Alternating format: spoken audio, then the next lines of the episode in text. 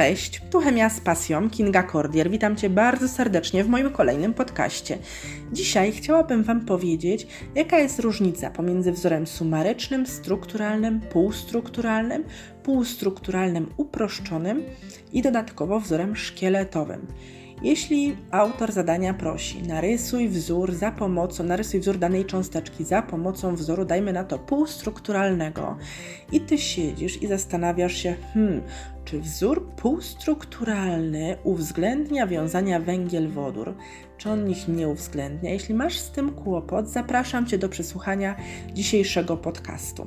Zaczniemy od wzoru sumarycznego. Sumaryczny, suma, czyli będziemy coś sumować, coś dodawać.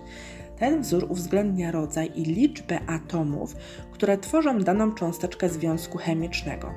Liczbę atomów, czyli musimy sobie zsumować, ile mamy atomów węgla, ile mamy atomów wodoru, ile mamy atomów tlenu itd. Tak itd. Tak I piszemy C2H4.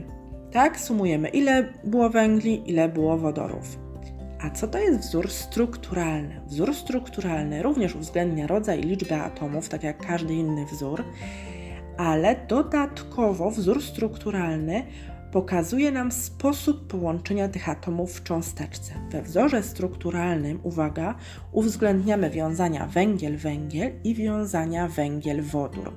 Przejdźmy teraz do wzoru półstrukturalnego. Półstrukturalny, czyli ta struktura już nie będzie taka kompletna jak we wzorze strukturalnym, bo to jest wzór półstrukturalny, tak? Inaczej na wzór półstrukturalny mówimy wzór grupowy. I teraz uwaga, skojarzenie. Skoro wzór grupowy, kojarzymy wodory, grupujemy. Co to znaczy, że grupujemy te wodory? We wzorze półstrukturalnym nie uwzględniamy wiązań węgiel-wodór.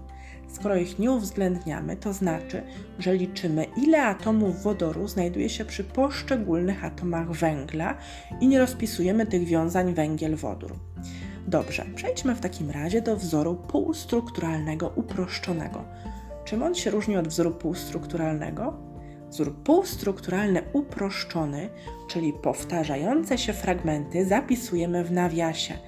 Jakie skojarzenie? Upraszczamy sobie życie, tak? Nie musimy pisać tyle powtarzających się fragmentów. Weźmy sobie jako przykład cząsteczkę pentanu. CH3, CH2, CH2, CH2, CH3. Jak sobie napiszemy wzór tej cząsteczki, zauważymy, że trzy razy powtarza nam się fragment CH2, czyli ten fragment możemy umieścić w nawiasie i za nawiasem umieścić małą trójeczkę. To będzie oznaczało, że po sobie występują trzy fragmenty CH3. I na koniec został nam wzór szkieletowy. Wzór szkieletowy inaczej nazywamy wzorem kreskowym, także w tym wzorze będą występowały kreski. Pomijamy tutaj atomy węgla i wodoru, które występują w szkielecie danej cząsteczki.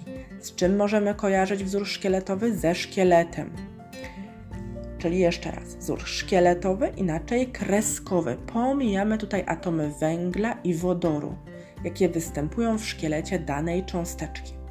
We wzorze sumarycznym uwzględnia się rodzaj i liczbę atomów, które tworzą daną cząsteczkę, czyli to jest suma poszczególnych atomów.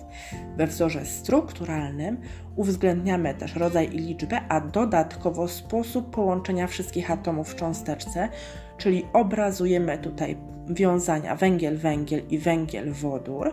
We wzorze półstrukturalnym nie uwzględniamy już wiązań węgiel-wodór a we wzorze półstrukturalnym uproszczonym te powtarzające się fragmenty możemy zapisać w nawiasie, a wzór szkieletowy kojarzymy ze szkieletem i pomijamy tutaj atomy węgla i wodoru.